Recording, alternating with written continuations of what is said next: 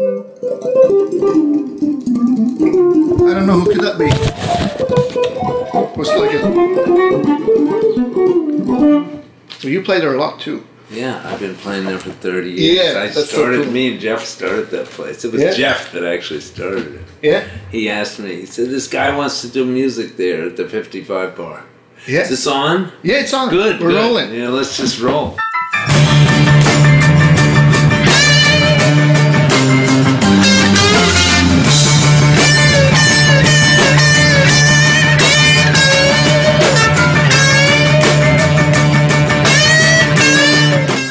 So yeah, that's how I started playing there. That was uh, before they had music there. And Jeff Yeah. Andrews, I was playing with Miles still at the time, and Jeff Andrews said, um, "There's this guy named Peter Williams that wants to do some music at this little funky place," and I was already living above, still living above the 55 Grand Street, which All right. was a totally different 55 that has no, just has a coincidence that it was the same number yeah.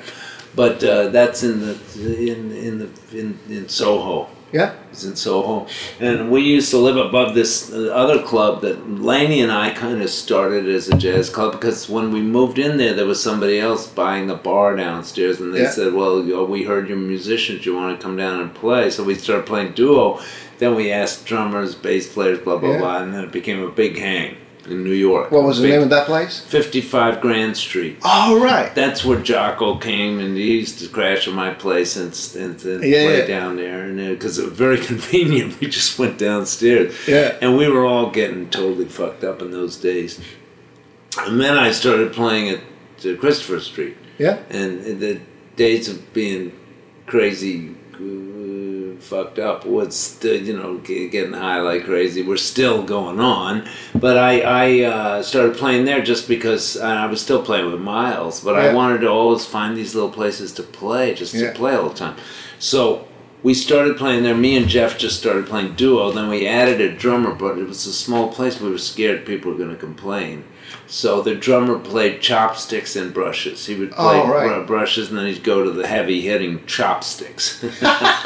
and uh, and and that was happening for a while. And then gradually he did sticks, and uh, and then and then and then when after that, uh, and we we realized we could play louder, and so kind of turned up more and more. No one really complained. So Yeah. then it started being a trio with different people. I played there a lot with Jeff, of course, Andrews, and and then Adam Nussbaum started Oh, yeah. playing with us, and then Mike Brecker came down one night, and it was like. About three people there. It was late night. They used to do three sets. We Oh, used to right. three sets down there and really late at night. And he came down there after his gig someplace in town, and he heard the band. He was putting together a band, and we'd already been playing together with Steps, and Yeah. I knew Mike for years. But What year is this? Like mid '80s or? I guess whenever he started was the towards the end of the '80s with his band, I believe, but I'm not sure. It was like kind of the end of the '80s Yeah. when when he or '87 or something. '80s, yeah, maybe it was '86 or. 87 and and so he came down there and checked us out and said man it sounds awesome. And he hired the whole trio. Oh, and he was down there from time to time. A lot of people used to just hang at that place when it would start. And uh, then then uh, then he hired the whole trio with uh, and Kenny Kirkland played piano. And that became Mike's band for a minute. And then Kenny Kirkland had a had a um, that was his first band Mike Brecker he finally yeah, was yeah from the he first did his solo first album. record yeah Nothing personal. and then uh, exactly nothing personal was on there which I I actually helped write that I just wrote the harmony they couldn't figure out Mike had the melody Yeah. and Grolnick and he were figuring out how to arrange it but they didn't really have the harmony and weren't sure if they were going to use it and I came in with I got the tune and I said let me check out the the uh, the is that working oh yeah. and I, I, um, I said, let me check out the tune, and uh, and I kind of was lucky enough to be in the right place at the right time with those guys, and and so I went back and worked on it. I said, does this harmony work? And Mike really liked it, so I, Oh, cool. I, I got to include something there, and plus something choices, a tune that Oh, I've yeah, already yeah. written Yeah. is on that record. But but so anyway, uh, So I was playing at the 55 bar for, for ages. So and I'm still playing there because it's a place to play. Yeah. It's a groove. And now it's like kind of play. At first, no one wanted to play there. It was such a dump.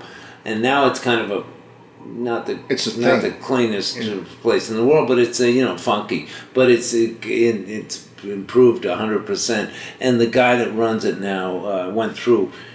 His mom got it from Peter Williams, who was this guy. He and and uh, and then and then Scott Ellard uh, kept it happening. So uh, from his mom, so so he's he's kept it happening. He puts a lot of lot of love into that place because there's a lot. It's hard to keep a club going, any kind of club. Oh, of course, yeah. I Nowadays, guess rents here in. New York is kind of. Rents and just the whole thing, but that's going good. So Yeah. you know, so he's There's a lot of happening music down there. yeah, so it's really I'm glad to have been a part of uh, kind of shaping that place, and and, and, and and certainly I'm grateful to Jeff Andrews for found for finding it. Yeah, know yeah. what I mean? but we were always like kind of looking for places in those days, and, Yeah. and people are still doing that some, not as much as I think they should be, but because they could create more more places to play. There certainly seems like there's a demand and less places to play, but Yeah. it seems like there's the same demand. Like in Boston, there used to be five or six of those little places, and now there's nothing. It's it's it's The Willow, the same. there was 1369. There was. Did you know anything about Boston? That was No. when I was going to Berklee. There was Yeah. a Michael's from Jazz Club. from Boston, right? I, I went to Berklee in, Yeah. in Boston. I was born in Boston, but I, so, but I lived, uh, kind of grew up in Washington D.C. All right. And then I went back to, uh, I lived in Boston for a while when I was going to Berklee, and Yeah. even after, because I went for three years to Berklee, and then I got a gig with Blood, Sweat, and Tears Oh yeah. when I was 22. And uh, and then I kept uh, uh, you know I kept staying in Boston. I went back there after I played with Blood, Sweat, and Tears for a couple of years, and I was I was I stayed in Boston for a while, You're doing like local. And and just did local things, bebop gigs, and Yeah. more more of that, you know. Because to play jazz for me was kind of a was a hard lift, you know. It wasn't like something that boom, oh boy, a week later, you know. Yeah. It was I was already playing blues and rock. When I first started, but to play jazz it took a lot of work and a lot of I couldn't remember all the chords and all the scales and all the shit and just standard tunes. Just how do you remember all the chords without thinking about them so much? Yeah. And of course, after a while, you get to learn it like like you learn another language. So it became more fluent. Of course, then music in general, and certainly jazz and all of it, just the vocabulary is endless. It's But it's learning a language. it's yeah, and a very involved language. Yeah. like Chinese times ten. you know? Yeah, yeah, yeah. And but but it's great. I mean, Yeah. it can be overwhelming, or it can be just the most incredible journey you're ever on. Yeah, no one ever gets to the end, that's for Yeah. sure. But but uh, so that's been a pleasure. you know. And you did the the Blood, Sweat, and Tears gig for like how many a couple of years. couple of years. And that was cool. And then and then you got the gig with Miles, like eighty two ish or Right. Well, then I played with Billy Cobham after Blood Sweat Oh, right. He called me, and, and I played with him for about a year. And then Bill Evans, I was playing with Bill Evans at one of those little places in Boston. Yeah. You know, he came up and he was in Boston for a while, and he said, I heard about you, and I heard you guitar player, and I heard you play at this place, and let's uh, let's play. You know, at this we'll get a little jazz gig at this place. So we played there, uh, and and uh, it, he was killing Bill. Yeah. And he said, you know, I'm working with Miles Davis. I'm about to go on the road with Miles, and I'm actually recording. You are not. And then, um, uh, so um, yeah, so so then we played at Michael's at this little tiny place on Gainsborough Street. A lot of Berklee kids used to play, Yeah. and and we played there, and that was a ball. It was fun to play with him. He was awesome, and he was indeed playing with Miles, and Yeah, and, yeah, yeah. and he said that if it worked out, he wanted me to try to be in the band because Miles's guitar player, the guy that was originally in the band, when Miles was coming back, you know, they'd Yeah. already started recording, but they hadn't done any gigs. It wasn't working out personally. He's a great. He was a great guitar player, Yeah. and still is a great guitar player, but it wasn't working out personally. So, um, so I, uh, so uh, a little while later, my uh, Bill called me, and he, I was playing actually with Billy Cobham at the at the Bottom Line, which is now closed, but it was a cool club in New York. Yeah. And uh, and and uh, Bill called me up on the payphone there. I remember answering the payphone, and he said, "Guess who I'm bringing by? I'm I'm, I'm bringing by." Uh, uh, Miles, you know. so so he wants to hear you. So he came and heard me, and and he he called Billy off the bandstand while we were still playing. All of a sudden, we're looking around. Gil Goldstein was in the band, Michael Yeah. Urbaniak, and uh, and Tim Landers was playing bass. It was a cool band, you know. And we'd done some stuff in Europe already, but we were doing this short kind of East Coast tour with with those guys, and. Um, and so Miles heard me then, and he, he called Billy off the bench and said, "Tell your guitar player be at studio B at six o'clock, three days from then, whenever that was on Wednesday or something." And I showed up, and Miles wanted me to play over stuff that was already recorded. Yeah. play over the whole thing. And I said, Miles, I don't really hear anything here. You know, I, I don't really. Okay, okay. And then he called me back. You know, I went over and just hung out with him, with Bill, because Bill and he were hanging out a lot. Yeah. And then he called me back and, uh, uh, you know, and, or, and told Bill to tell me, and he was we were in touch then. And he said we're going to do another recording, and called Fat Time Yeah. and, uh, and and but it wasn't called Fat Time at the time. It was just another recording, and it was a live thing. And he wanted me to play kind of Spanish. At one point, you know, I heard some flamenco guitar. You know, like he was listening to a radio station. He used to listen to all kinds of music. Yeah. And I, I heard some kind of thing, and it was flamenco, some kind of Spanish thing. He said, "I want you to play like that, but your way." And I went, "Flamenco? You know what the fuck's he talking about?" So anyway, we get in there, and he kind of loosely describes the tune, C minor, and then going to Spanish, Spanish, A Spanish. So I just knew two keys, but I didn't know what he meant by Spanish. He meant that kind of Spanish sound that it is. And Marcus kind of started off. We we we kind of rehearsed it right there with me, Marcus, Al Foster, and um, Bill Evans, of course, and. Um, and I don't think there was percussion on that track. I don't think there was. No, Mino wasn't in the band at that point. Mino Cinelu, who Yeah. was eventually in the band. And then we started playing it, and then there's a long guitar solo finally in that take. And and because he liked the way it came out so much, we did it a couple times, and finally we got it, and, and he liked it. He said, "I wanted to do it again." I said, "Chief, let me do it again. Let me fix it. I can do better. You know, let me fix Yeah, it." yeah. He said, "Fat time," because that's what he was calling me. At that All right. point. Fat time. That was my nickname because I was kind of heavier, and I was pretty heavy in those days, and uh, and he liked my time feel. Yeah. So he called me Fat Time. So Yeah. he said, It's quite a "Fat Time." compliment. He said, "Yeah, it was quite a compliment." He said, "Fat Time. When you're at a party, you got to know when to leave." Yeah, you know, because I wanted to do the shit. Yeah, yeah, yeah. That's the way he said it. Yeah, it's so, and he knew that it was happening. So, so, uh, so we that was it. And then, then I started playing with him. He then after that he said, "Let's go on the road." And I said, "Well, who's playing piano?" He said, "No, nobody, just you."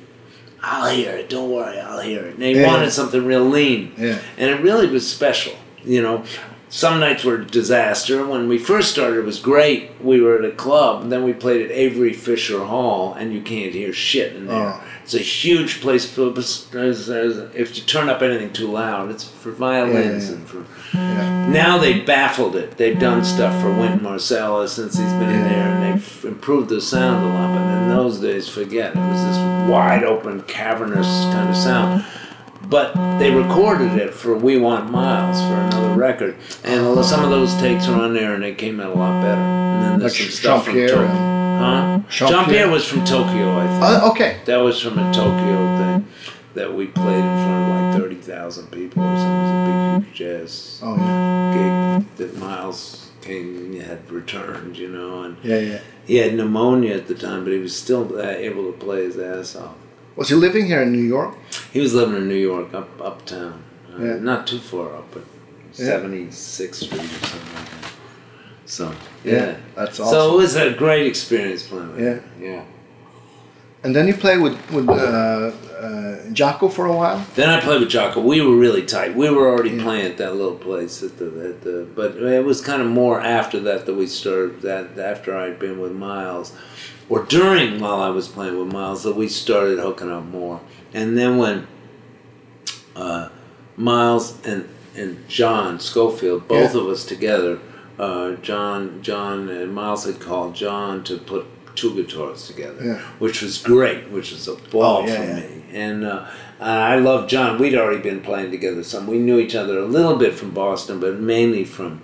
But I used to go check him out all the time when he was playing gigs. Did you Boston. study at the same time or? Yeah, we were kind of at the same place. He was one year ahead of me or Yeah. something like that at the school, but but he was uh, always playing his ass off, and so I've known John for so many years. And then we we played here two guitars with a band with Peter Warren. Oh, right. band, and he was playing at the time a bass player that was playing with Jack DeJohnette.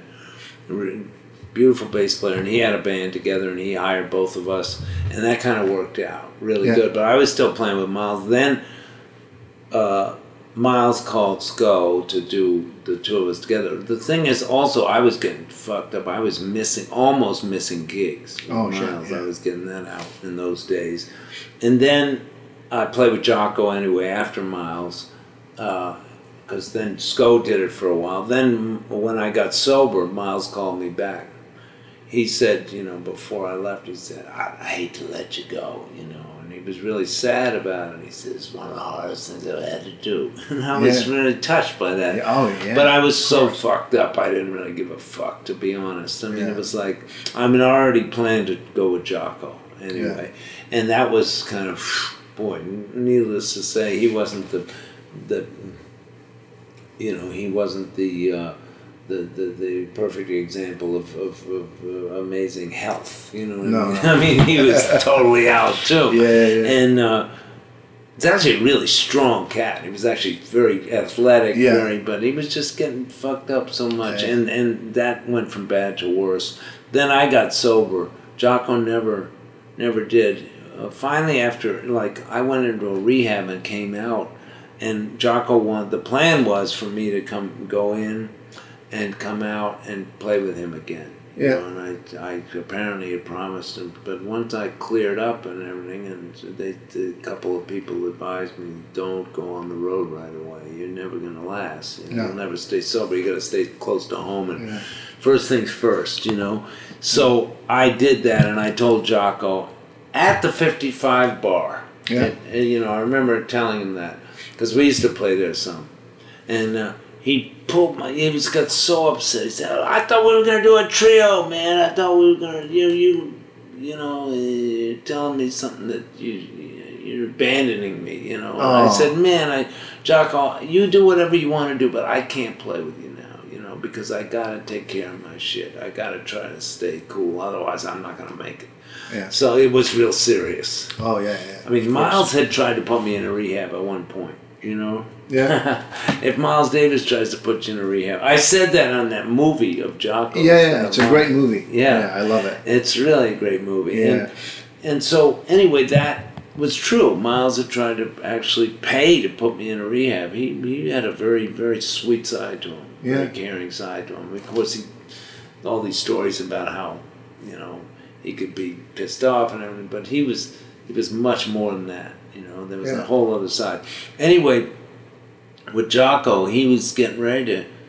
Uh, also getting ready to get clean. You know, after he saw me a couple of years, I'd already gone on the road again. I started to play, but not with Jaco, with Dave Sanborn, Yeah. people that had their shit together more. Yeah.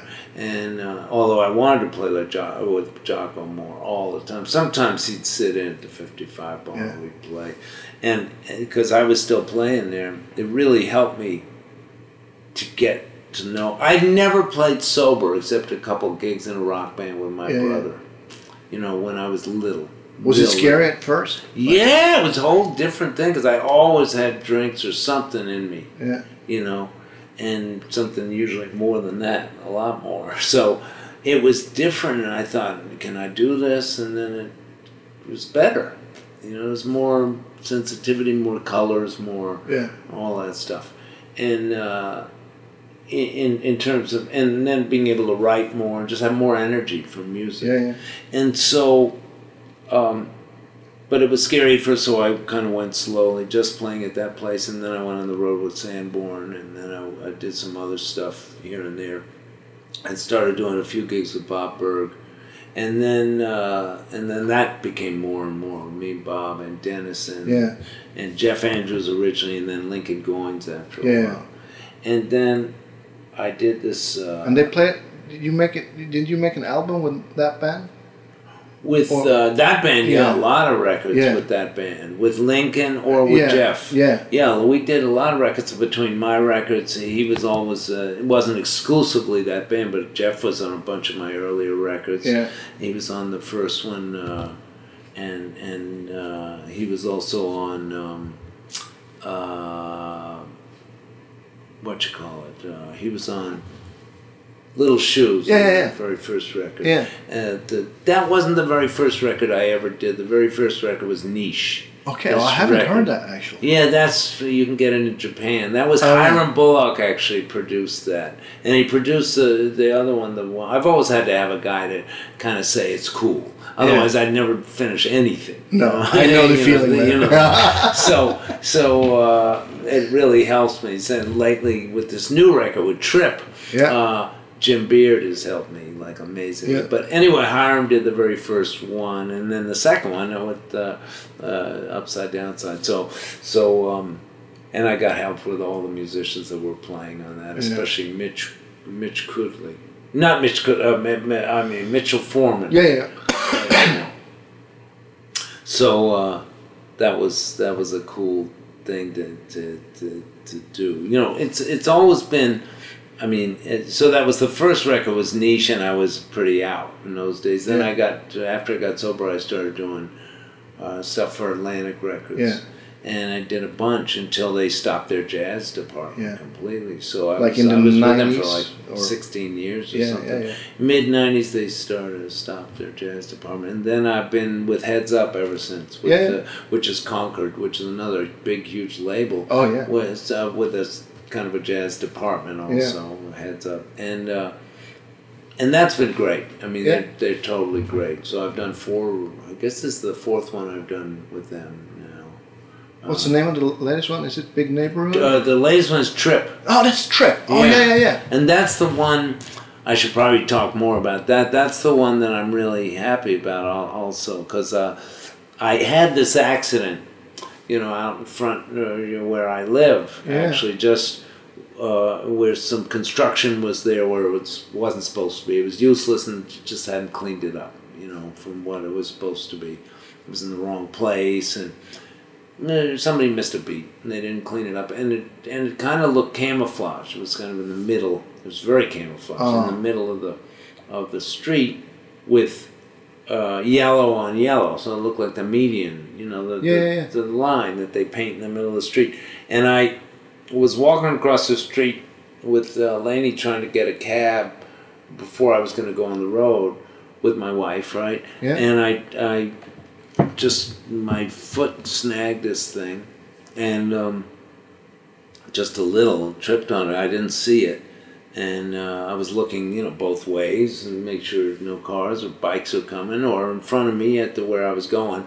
And anyway, I hit this thing and uh, and tripped on it and, and started going real fast to try to catch my body, which was Yeah. going in the wrong side. Oh, yeah. I just lost my balance, so then I was trying to regain my balance, and and then I hit and broke both my arms. I thought, oh man, I'm gonna Oh, get badly Jesus. bruised, but it was a lot worse. It was both these humerus bones, Oh, you know, these man. bones up here, and which are which are connected to nightmare. the yeah, which is connected to the shoulder Yeah. and uh, and I, I broke both those arms and and um, uh, both both both uh, those bones, and one was clean on the left hand side. One was a drag, you know, was uh, worse. But they but there was no problem with my hands when I went to the emergency room. They didn't think there'd be any subsequent nerve damage. This is very rare, apparently. Oh. Had I known, if someone had told me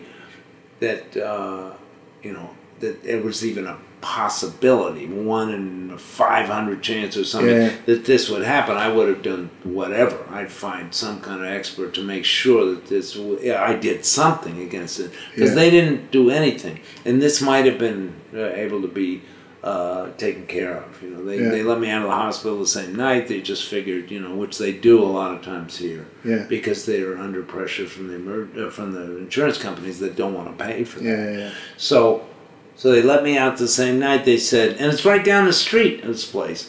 And then they said, um, uh, you know, reschedule, uh, schedule something with a surgery, and uh, with a, uh, from call this number, and on Monday you schedule with a surgeon, and he'll see you as soon as possible. So I saw a guy like three days after the accident as a pre-op Yeah. pre-op is- an operation. He said, "Well, the right side looks really bad, but oh, I hope I can fix it so I don't don't have to give you a partial uh, shoulder replacement or something." Yeah. So, so he put a whole lot of metal in there, but he fixed. it. He, he was able to save my shoulder, but he didn't know that this would happen either. And I kept telling him, I said, "Well, something's going on." By three days, it was just one finger was numb, so that's not on, uh, on you know, out of, you know, that's heard of. That's Yeah. nothing like that extraordinary.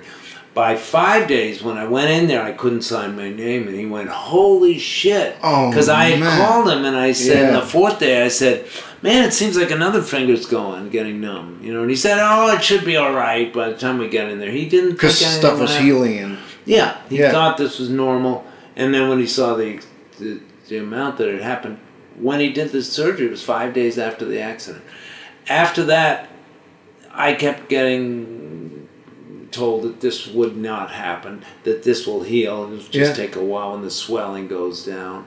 I went and finally saw this guy that Wayne Krantz recommended me yeah, you told me uh, about it. this guy, uh, Dr. Barron, Alton Barron.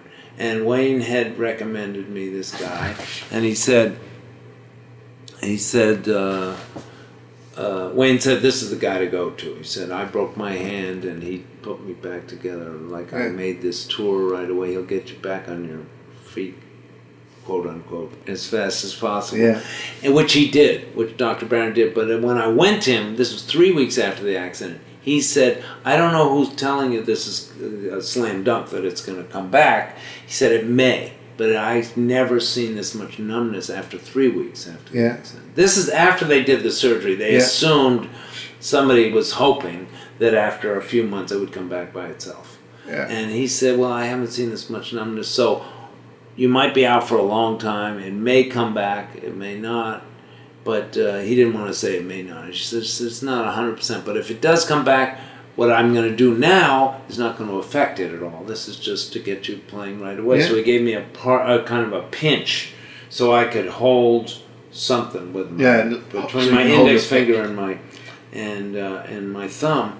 Then uh, later, he kind of a couple months later, he a few months later. First of all, that got me able to play, but it was Yeah. very uncomfortable. My thumb was kind of like a. Uh, lower primate thumb, Yeah, where yeah. you don't have the opposable thumb. Oh, yeah, that's yeah, what separates the hand from human beings.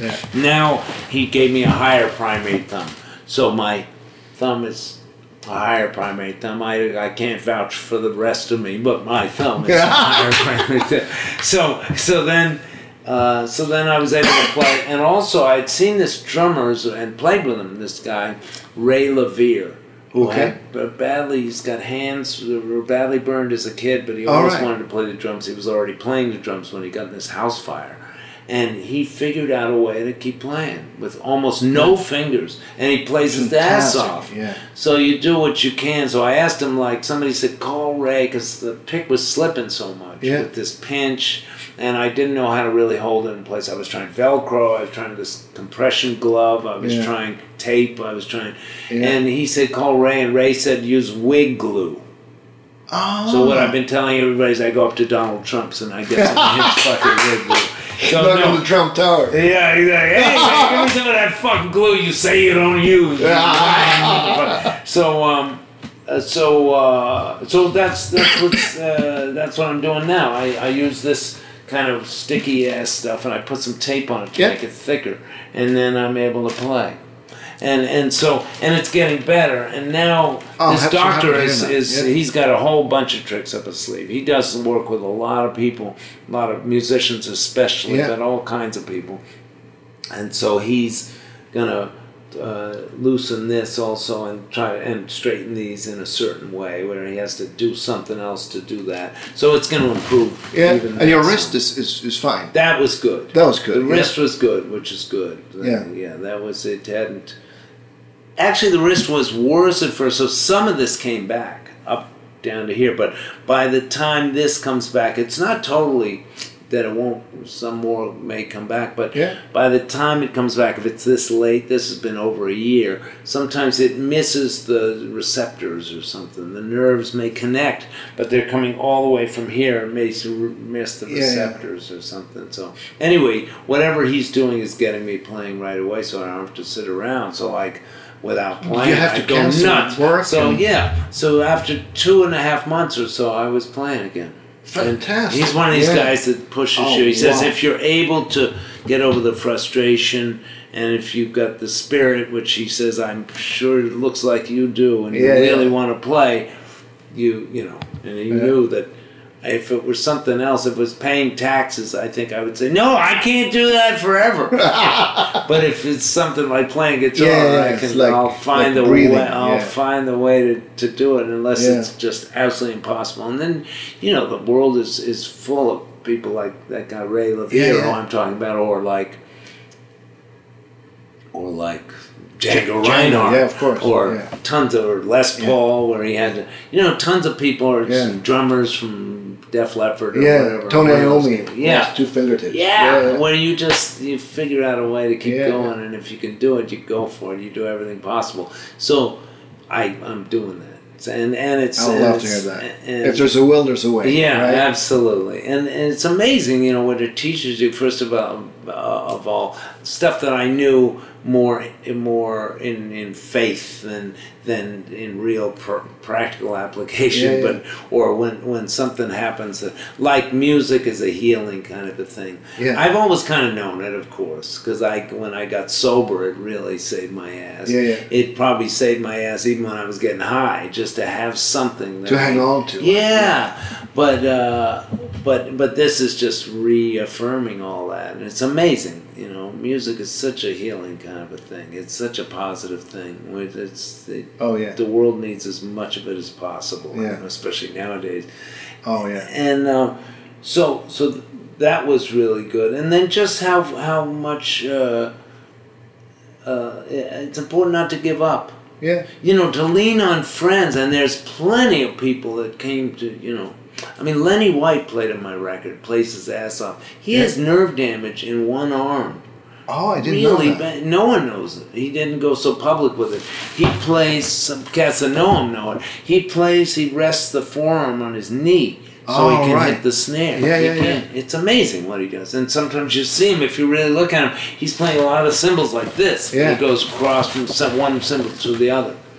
And he's still playing his nuts off. You don't even notice it. And he was doing gigs really very demanding physically gigs. Yeah. He did Return to Forever after he, this nerve Oh, damage man. started Yeah, happening. yeah. He thought he couldn't do it, and then he said, "I'm going to do it." Yeah. And he figured out a way.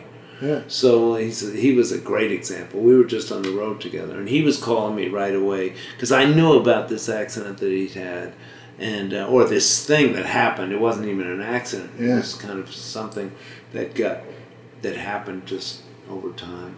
Yeah. I knew about that, and then uh, uh, so he knew that I knew about that. When he heard I broke both my arms, he called me right away and said, "You know, this is what you might have to deal with. This it's kind of more of a mental thing. You got to Yeah. keep going no matter what." And I was Yeah. freaked out. So there's tons of people that kind of Yeah. help help out, you know, Yeah. and, and a lot of people that I And it has to be in a situation like that. It has to be good to talk to people who's totally. been through it and kinda came yeah, back and- yeah, yeah. exactly. And and people and and also just people that lend their support. I mean it was it was such a, i was so grateful for all of that. I got a bunch of stuff on facebook and all that from people who heard about it and and who i've never met that were just so supportive you know what i mean? So that helped also Yeah. and then my wife she's been through all kinds of shit in her Yeah. life and uh and she's a trooper. I mean, Yeah, with a wife like that, I can't wimp out. There's no fucking way. So I love to hear that. Yeah. What was the first gig after your injury? so the first gig uh, after I was injured was was at the 55 bar. I did a couple just to play, and then. I played with uh, Chick Corea at Oh, the right. At at uh, the Blue Note, a special thing that they were doing for Miles. That's one of the gigs I wanted to make. So I told Dr. Barron, who is this doctor that I see now, who's the cat that I wish I'd seen in the Yeah. first place. But anyway, because he's a great orthopedic surgeon as well Yeah. as knowing everything about hands and nerves and all Yeah. that. Uh, but anyway, he said, "Okay, you want to do that gig? I understand. So we'll try to get you going for that one. That'll be our goal." Yeah. And uh, and he got me happening. I'm, that was when I was struggling to keep the pick in my hand. So some nights were really hard. Yeah. And some nothing dropped out, but it was just sometimes it would slip around so much I couldn't finish stuff. You know, I couldn't finish phrases, and but but I, Chick was cool with it, and Yeah. and uh, you know let me just That's keep awesome. going. And then I did a whole tour with Dave Weckl, and it got I got gradually more used to it. And then uh, last March is when he did this other thing with the thumb, and that helped so much. So Yeah. now it's kind of like people can't tell the difference. That's fantastic. So I must have real I must have really sucked back then too, I was healthy. so anyway. So, so you want to talk a bit about your new album? yeah, yeah, yeah, Yeah. So it's called Trip. Yeah. For uh, uh, for a bunch of diff- one good reason is is because it's uh, one of those things that people can use for whatever they it means to them. Yeah, yeah. there's a lot of meanings for trip. I go on the road a lot. I there's. Uh, I used to take acid when I was a little kid, and uh, you know, I mean, Yeah. it could be a whole bunch of shit, Yeah. but it's not that. Yeah. But uh, but for me, it has that very obvious reason that I So it's and then I actually named some of the tunes. I had most of the tunes written. I had to tweak some of them beforehand. You know, before we play. Actually, I had to finish some of them, but I had them mostly written before this accident.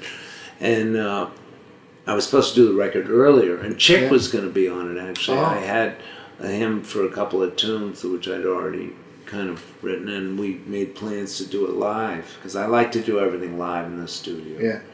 and I uh, and I couldn't do that. So then I made Plan B to do it a few months later, and because that was in September of right after this accident. That I wasn't good by then. It took me till October. I had this Yeah. accident July third, and then July, August, September. The end of September, I think I was playing again, and a little bit, and then Yeah. by the end of October, I did this thing with Chick. But uh, but I, anyway, he couldn't make this original recording. And the whole session had to be scrapped. The whole plans for the time, and then I sounded a bunch of people for this January time and did it in January Yeah. with uh, a bunch of cool people. With Lenny White, of course, who Yeah. I never recorded with. With uh, Wallace Roney, who's on there. With um, uh, Dennis uh, Dennis Chambers, Chambers, on yeah. there, of course. Well, Who I've recorded a lot with. Oh, yeah. Uh, Dave Weckl, who I've played Yeah. and Oh, yeah, recorded yeah, a lot with. And Tom Kennedy is on there. Uh, Victor Wooten. Yeah. Mostly people that I've played with a lot. Yeah. And I like to do records that have variety. I'm just into it. I've been doing that for a long time, but Oh, especially yeah. the last four records that I've done for Heads Up. I put a lot of different people on them because I like to use that as an opportunity. First of all, to you know, when there's a record, I want to write everything. I'm just doing this interview. No problem. That's my beautiful wife. Yeah. So most of the time I like to use that as an excuse to write. Yeah. You know, and um, but I'm writing all the time anyway. But it's Yeah. just a, a, a, to to finish and uh, record stuff, and then and then uh, and then uh, get uh, find out something that's interesting. You know, that would be interesting to people, and and to me. Yeah. uh, also inspiring to me, and. Uh, and and usually that entails a lot of the people that I re- and also in a practical sense get people on that I'm probably going to be doing gigs with in Yeah. the next. So all Yeah, those yeah. guys I play with a lot. I'm doing a big tour, you know, in in, in November with Yeah. And and Tom Kennedy and uh, Bob Malach, who's not on this Yeah. record, but he's on other records of mine. Yeah. Bob I think I've seen. Franceschini is yeah, on this yeah. record, who I play with a lot. Uh, uh, Victor uh, Wooten sometimes we we play together in different projects. We've done that. Uh, Randy Brecker's on the record, and Oh, I play with him a lot. Wallace is somebody new for me, but we that's that when during that gig he was playing. Oh, with the thing with the chick, he was he was involved in that. It was kind of a Miles Davis thing where we did, you know, Marcus was on there too. Yeah. And so we ended up uh, uh, doing. Um, uh, you know, I, I mean, hearing him play was just like wow. And we did all these Miles tunes, but it was fucking great to hear that. Oh, yeah. man. I mean, he's so awesome. So Wallace is on there, um, but Bill Evans, who I Yeah. Recorded with a lot, and, and he got me the gig with Miles Yeah. too. But Long we've time been, friend. We've been Yeah. friends and, and played with a lot. We haven't recorded that much together, I should say, but except with Miles. But uh, but we but we um, uh, have been playing gigs more recently together over the last Oh, few cool. years. So and he's amazing. That Yeah. guy's an amazing musician. And Jim Beard produced it. We, Yeah, yeah. we don't. Rec- usually, I go on the road like yeah, the last bunch. I mean, Yeah. he's and he plays his ass off on him. He just gets all kinds of music. He's he's really. I think he's a genius. The cat's so such a motherfucker. Yeah, deep. Plays with Steely Dan now a lot, but he's been doing that for a long time. Yeah. But but um, he's just a badass, great writer, great player. You know. So uh, so he plays it? keyboards on it. Yeah. We might tour some too with Yeah. him because usually the fourth guy uh, after bass, guitar, Yeah, and, and drums yeah. is the saxophone. Yeah. I mean, that's what I've been used to for so long, and I'm just I like that sound. Yeah. But I might just do it with piano instead of take a quintet is kind of a Yeah, it's expensive. it's expensive. It's not so practical, No, I know. especially nowadays. But um. But I may do that at some point just to do it. You know? Yeah. But I'd rather just do it because usually the other reason is because they only, I usually like cats to play Yeah. and they all want to play Yeah, yeah, yeah. and they want to stretch out and they can all do everything with it by themselves probably they can Yeah. fill out uh, fill up an hour and 15 minutes and the, a lot of times they in festivals they just give you that much Yeah. to play so there's not really that much room so That is true. a quintet is cool but you got to get to it pretty fast and some some guys want to stretch you know Yeah. and try some different shit and whatever. Yeah, So. I like that.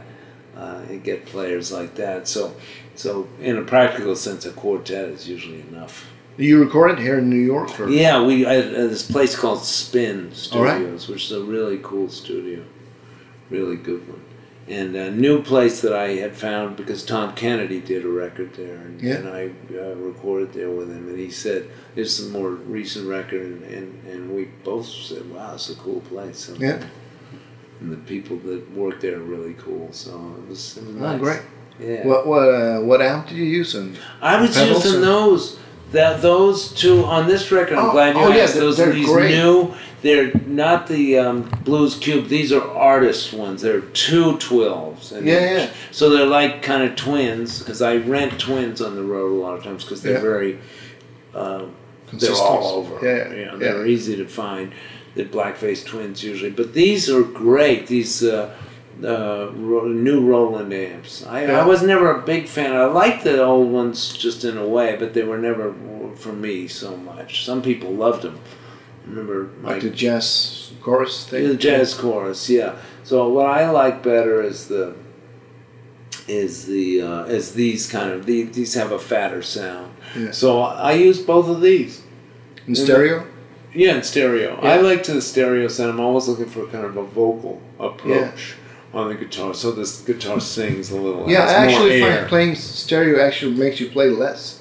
Sometimes yeah, it it does because the notes are, are bigger. and, Yeah, yeah, yeah. And I you know. I, I kind of did started doing that a little bit. I was obviously, you know, I was studying with Pat Metheny years ago, and Yeah. he he just he actually got me the gig, not got me the gig, but the audition with Blood, Sweat, and Tears. Oh, I didn't know that. And I never thought I would get the gig. I thought, well, here I'll go and get an audition. But it was nice of Pat to recommend me because he Yeah. said, yeah, Bobby to Bobby Colomby, I got this really good student who's, you know, really talented. And I was all shy at the time. I thought, well, who's he talking about? You know, but I mean, he was, t- you know, uh, he told me, he told me, he said, because he, he really liked my playing right away yeah. you know, and when he heard me play, so I I don't know what he heard. I guess my time feel or something, because I certainly wasn't hitting a whole lot of right notes. I mean, in those days I was just learning, you know. But there was something natural that he really heard. So anyway, he recommended me to Bobby Colomby, and uh, and I actually got the gig, which was surprised the hell out of me with Blood, Sweat, and Tears, you know. Yeah. And because I was young and and had never played in front of that many people. Oh, yeah, yeah. you know. But famous band as well. it was a well-known band Yeah. at that time. Still not as big as they were, but they were still, you know, we're playing in front of a few thousand every time you, Yeah, know, you play or more, and uh, so that was a really cool experience to, to Yeah, play with course. them. Yeah. And um, but yeah, Pat Pat was the guy that kind of recommended me to that. So uh, and at that point also, I should mention that I was uh, playing uh, a fat guitar. Uh, ES uh, you know, ES one seventy five. Yeah, yeah. Like Pat. And then kind of yeah, like Pat, but different. His was a blonde one, and, Yeah. and it was something that he hung on to forever. I was also had Roy Buchanan's old guitar from Danny Gatt Oh, that's so cool. and I got it from Danny, but it got ripped off from me in, in oh. Boston. I was playing, and I, but when Pat heard me play that one time, and I was playing this ES one seventy five, he said, "Yeah, you sound great on both, man, but you should play that one because Yeah. that's really different, you know, and you sound great on that guitar." And so I kept the telly, you know, I kind of Yeah. was encouraged. I probably would have gone back to it anyway, that because I'd been playing a solid body for a while. Yeah. And for me, I like to play a lot of straight ahead stuff. Yeah, yeah. And I like to rock also. Yeah. You know, it's just in me. I grew up in the 60s. I grew up with Yeah, Hendrix. And, and I, I don't mind combining all that stuff on one guitar and, and, and try to make a style out of it. You know, it's, it's, it just happened kind of without me consciously Yeah. thinking about it. It was just so. So I use this uh, now. I use this. Um, well, then somebody else made a copy of which I use on Upside Downside and a Yeah. bunch of those records. There was a copy of that Roy Buchanan guitar, and then uh, Yamaha made the signature model for me. Yeah. And so they said, you know, you want to make a Mike Stern guitar, and I said, Why not? fuck yes. You Yeah. know, if you want to do it. So they sent me some, and the first ones weren't quite right, and then I kept asking them. I didn't know enough about it, but but um, Did they like measure the neck profile and stuff? they did all that. They Yeah. took the other guitar and kind of, and then they, and so we figured it out. And this one sounds really similar, and real fat Yeah. sounding, and yeah, unusually. It's heavy. It's heavier than the one they sell. They actually sell a model, but everybody seems to like them. But they're uh, the the signature model. But they so it's a different wood that or. It's it's uh, the same wood that they use with the with the the ones that they sell. It's a little lighter. Yeah, So right. This is heavy ash. Yeah. So it's really, and this particular thing is real dense and Yeah. heavy. But I wanted that extra warm kind of sound. So it's the same weight as that Telly that was the copy, the first copy that Got stolen. Uh, that you know, the one that got stolen. Yeah. Yeah. Which I wish I still had. But yeah, it's some out there somewhere Exactly. making someone else happy. And then I use this uh, to get my sound. I've always used this SPX ninety. Oh, yeah, that's I, I was using chorus with Miles and a chorus pedal, and but then I stumbled on this SPX ninety with the harmonizer patch Yeah. that I use for fattening up the sound, and it gives a little bit more air. So it doesn't really sound, if you really listen, it's not exactly like a chorus. no, because it doesn't it- move. It's exactly. I don't know why. I don't know what the thing. Somebody tried to tell me what the fuck that is, but Yeah. but whatever it is, it sounds really good to me, and, and it makes the guitar sound when it's quiet more like almost like a nylon string in some ways, or that kind of uh, fatter sound, kind Yeah. of, and more air and more vocal sounding. And I'm always just trying to get that, so that I think mm, effects and all that stuff, whatever, whatever, you know, makes it work for you. Yeah. Oh, know, so you get your heart out. Because Yeah. music, I mean, it's the language of the heart. Yeah. And so, whatever, however you do it, you use a nylon string guitar, you use a, a, a fat guitar, you know, more of a jazz guitar, or you use a, a solid body Strat or Telly or whatever. And whatever kind of effects it work, you got to try to find your own Voice. whatever will Yeah. make you not so much even voice, but just what makes you play your heart out. Yeah, yeah. And then the rest of it will kind of come. I think everybody has their own voice. I Yeah. just think some people don't stick to it uh, enough or haven't had the opportunity to get recorded enough to, to kind of get that sound and Yeah. or maybe it's in a, it's not as obvious in some ways. Maybe their own way of playing isn't isn't in a time way, you know, in a way where where certain I came along at a certain time when maybe it was the beginning of people playing jazz with a rock sound. Yeah. I mean, McLaughlin was doing it, Yeah. and a few other people, but not. You know, when I was playing with Miles, it was like, is that a rocker? Or is that a you know? People Yeah, were like yeah. disturbed by the straight ahead guys. You Turn what it down. Yeah, and Miles was saying, "Turn it up, motherfucker." he wanted me to play like Hendrix. You know? So, uh, yeah. So, uh, but I think everybody, uh, whenever I teach, it's like people have their own way. It's like they have their own speaking voice, Yeah. their own way of, of you know. So, so it's just a question of kind of. I think the main thing is writing. Is where you get your own kind of musical So, yeah. uh, personality. Is, Yeah. is when, when you write more and you figure out a way to play it, then you get your. That's where you get your real sound. That that certainly helps anyway. Oh yeah, yeah. And they're just practicing all the time Yeah, playing as much as possible, which is harder to do nowadays because we were talking. There's Yeah, less yeah. clubs, but you got to keep going with it. Yeah. Try to find them and try to find a little restaurant or wherever. Yeah. I mean, I used to play a little funky little ass places where they just give you a free meal, you know. Yeah. And it was a nice restaurant, so the meal was probably Yeah. more than more than they pay me now. Yeah. You know, but but it was but it was uh, but you know I used to do all that. We you know whatever. Yeah, nothing beats performing. It's yeah, like- it's such a yeah, learning experience. It is, yeah. It really is. Totally. I And uh, and it's too bad there aren't more clubs because there's a ton of guitar players and a ton of musicians Yeah. in, in that that are in music schools now, especially Berklee. It, Yeah. it gets bigger every year, and they need more places to play. Yeah. So it seems to it's a it's a to me it doesn't really compute. It doesn't really add up. You'd figure that much demand would be you know somebody could start a couple of clubs, I mean, Yeah. little tiny funky little ass places, Yeah. you know, or loft. They used to have loft spaces. People that own a loft or something, and they used to have gigs there. Yeah. you know, Like house loft. concerts, kind of. Yeah, and they still do it here, but less in New York. There used to be a uh, well, when jazz was really popular, there was like 154 jazz clubs in New York. I mean, Oh, everybody shit. was playing all the time, Yeah, which is why there yeah. were such a bunch of bad motherfuckers. Because you could play all the time. You'd play. Yeah. You have to play all the time because they didn't pay shit, so you'd have to be playing like all the time. You know, breakfast gigs. They had a bebop breakfast. Yeah. Yeah, George Coleman told me nine o'clock in the morning after you played the gig that night. Yeah. yeah, it's crazy. But Oh. anyway, yeah. Yeah, it's. Uh, uh, do you have a little more time to talk about the rest of the gear you used on the album? Yeah, yeah. And what pedals did you use? Oh, I used. Uh, I just used the same. I used Boss pedals. Yeah. And uh, and that's it. You know, Boss pedals, and I use usually a.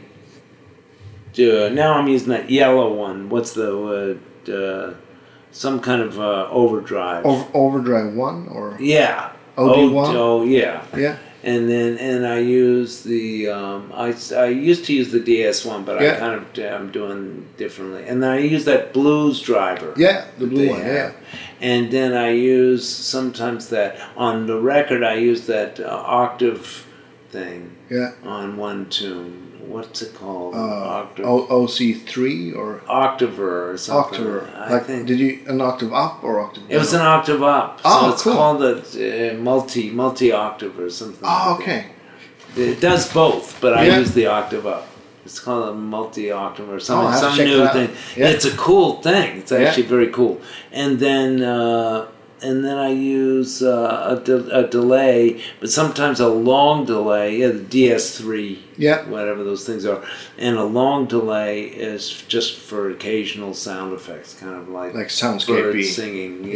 Yeah. Sometimes I'll use it very briefly, Yeah. and I'm not even sure if I used it on this record, but may I, yeah, a little bit. I've used it on others, and then this um, short delay uh, that I use all the time for the reverb. Yeah, I like, just keep like that on. almost always on. always on. Yeah, Yeah. yeah, and that's it. yeah. That's the extent of my gear. Yeah. Yeah. The rest is in your hands and your brain. Yeah, exactly, and uh, hopefully my heart, Yeah. especially my heart. I mean, that's for Yeah, sure. yeah, for that's sure, what it's yeah. about. I think that's about for everybody. Oh yeah. But um, So what's uh, what's uh, what's up next? You have this so tour. I'm doing a bunch of touring. I was just uh, in Chicago with Bill, uh, Bill Evans, and actually Richie Morales, who's Yeah. not on this record. I wish he had been, because I dig him. I've always Oh, yeah. his playing, and uh, and Teymur Phell, who's on this record, great bass player, and. Um, we were just in the Midwest doing a couple of gigs, one in Chicago and Indianapolis, and um, where else? Uh, Detroit, and then and then we're going. And now I'm going to South Korea, Oh, which cool. is on the twentieth for a gig with the Randy and uh, Weckl and Tom Kennedy. Yeah. And then I come back from there, assuming we all survive. We'll come back. We'll come back from there, and uh, then I go on the road with uh, Dave, and me have a kind of a co-led thing. Okay. I've been playing with him so long. I kind of mentioned to him. I said, "You want to Yeah, make yeah. it a co-led thing because that's kind of what it is anyway." Yeah, yeah, You know, He's featured. Everybody's It's a quartet. featured. So, yeah, of course. So basically, I just Is that a quartet too, or It's a quartet. Yeah. Yeah, with Bob Malach and Yeah, with yeah. Tom Kennedy, and that's going to be in Europe uh, for a whole month of, of, of pretty much the whole month of November. are you coming to Europe? Yeah, that's that's what's happening in November. It's Oh, all my dates. All the dates are I'll up have on to check uh, that out. wherever they're You know if you're coming to Stockholm? I don't know if we're coming to Stockholm this time. I, I think we, I just played there Yeah, over the yeah. summer. Yeah. So I don't think we're doing it, but I don't even know. I haven't even looked at the Yeah. Sometimes I just say, just Yeah, send it to me, then point me in the right direction. Give me my Give me the flight ticket. yeah, exactly. and let's play. Yeah, yeah, yeah. But um, but uh, but it's gonna be fun. That'll that'll be fun. And then and then when I come back, I we go out to the West Coast with Randy, uh, Tom, and Weckl, and we're doing some stuff in the West Coast for December. And then I play in New York with the Dennis and Randy and Tommy Yeah. on at uh, the Iridium at the at very end of the year. And then so it's kind of packed. it's kind of packed, yeah, kind of packed. And before this, I was on the road with uh, Weckl and I mean with Dennis and and um, uh, and Randy and was that with Tommy? Yeah, with Tommy. I was just on the road, and then summer it was with uh, Lenny White and and Yeah. and yeah, that one. Yeah. with Randy and Lenny and, and Teymur. And so yeah, this stuff uh, since the record came out, I, I was I did some in the East Coast too. You know, with that with yeah. Randy and and. and in, in September, Randy and, and Yeah. Tom and and, uh, and Dennis, and that was fun. So Cool. You're working on onward new, and forward. Yeah, you're working working on new material too, or Yeah, always. I'm always Yeah. trying to write because it. You Yeah. know, I'm always practicing and writing, trying to make Yeah. a dent in music. You know, that's good. I Oh, mean? you I mean, already it's did just- that for a long time ago. It's, but it's such an amazing fucking thing. It is. It just It's- goes on forever and ever is. and ever. Yeah. You know, it's right. yeah. Oh yeah. It's like you know, and you find your niche, or you find a certain thing that really excites you, even the even if it's kind of uh, a few things put together, whatever, and you and you keep going, or if it's just one thing you want to focus on, one kind of style, whatever it is, and and Yeah. you just keep going with it, man. But Yeah. man, but but then there's all this other stuff that can inform that. It's just ridiculous. Yeah. I'm always trying to sound more like a horn player in the way I process the sound, but mainly the way I play and, the, and what I listen to Yeah. is the horns or piano some. Yeah. You know, more from the ideas that I get from that kind of phrasing, especially horn and singing. Yeah. Also, which I'm doing a little bit of by my, you know, I've been doing it. I'm singing a little on this record. I sang more on the Eric Johnson record. Yeah. I sang Red House. Did you hear that one? Oh yeah, yeah. That's With great. Red That's a great album. Yeah, that was I fun. love that. man. Yeah, yeah. That was a you're fun. you're a good singer. Yeah, that was Yeah, fun as it's hell great. Yeah, yeah. to do, and You should do I got kind of pushed to to do it by Eric and by uh, Lenny, Richard maybe? Bona and Leni. Of course, Yeah, yeah, she yeah. always kicks my ass. So I'm doing. Oh, that's a know. that's a good album too with Richard Bona. yeah. But I've always felt, Yeah. I've always you know when I write, sometimes I'm sitting there and twanging away on the guitar, and I write the melody. I'm singing the melody and I write it down. So That's how you compose? It's conceived that way a lot of times, Yeah. not chromosome. You know, Oh, of that's course. something like that is more like I'll play it.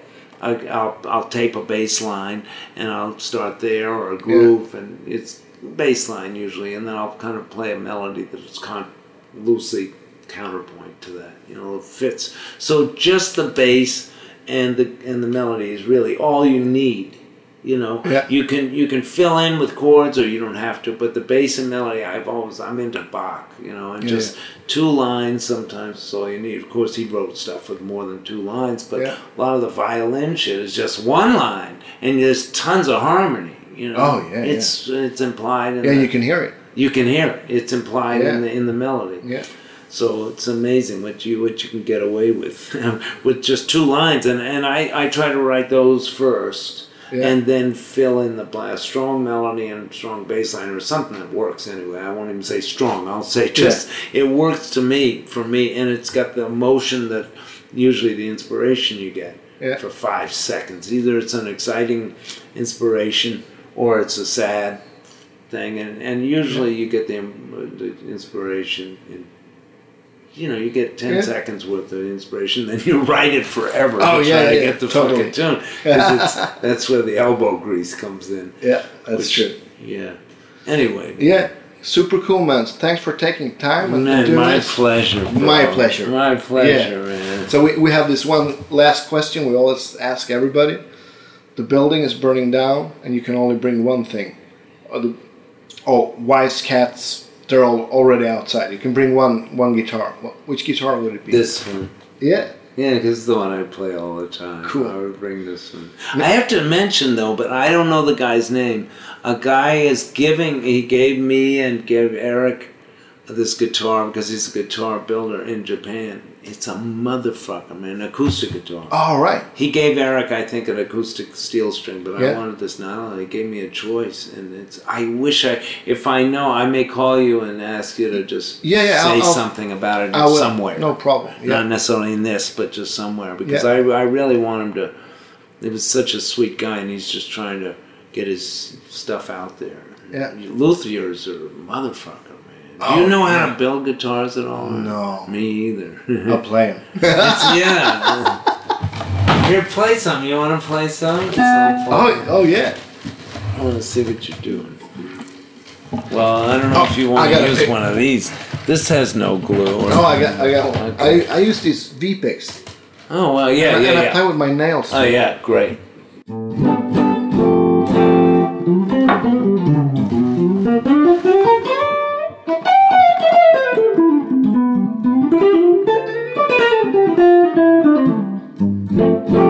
Very nice guitar. Awesome, man. You sound fucking great, man.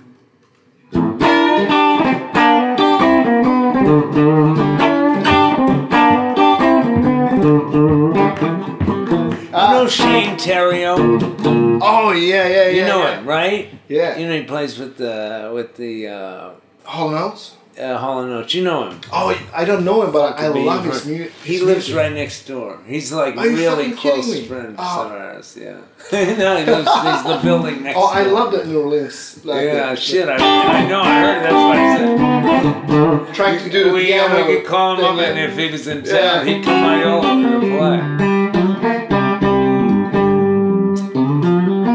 Oh, this is a great guitar, man. Yeah, isn't it nice? I like the action up high. You know how those guys used to do? See how high that is? They Yeah. bowed the neck. All them motherfuckers, Danny Oh, and, right. and Roy. It gave it something. I don't Yeah. know. It's funkier, you know. Yeah. Yeah. and and they bowed the neck. So I always bow. I told them when they were making this guitar, I said bow the neck because it warms it up. I don't know why, but it does. There's a little bit more resistance. I don't use real heavy strings. My strings are like Fender regulars back when I was growing up in the '60s. Is regulars this were 11 or- this and 11. But Fender, Fender regulars, as I remember regulars was 10, 13, 15, 26, 32, 38. So Oh, yeah. this is an Oh. 11, but it's I substituted. And and then they make me, D'Addario makes these for me now. Yeah. And they are making, between you and me, I don't know if it, maybe it's public knowledge, they make Fender strings, D'Addario. Oh, I didn't know that. Quiet.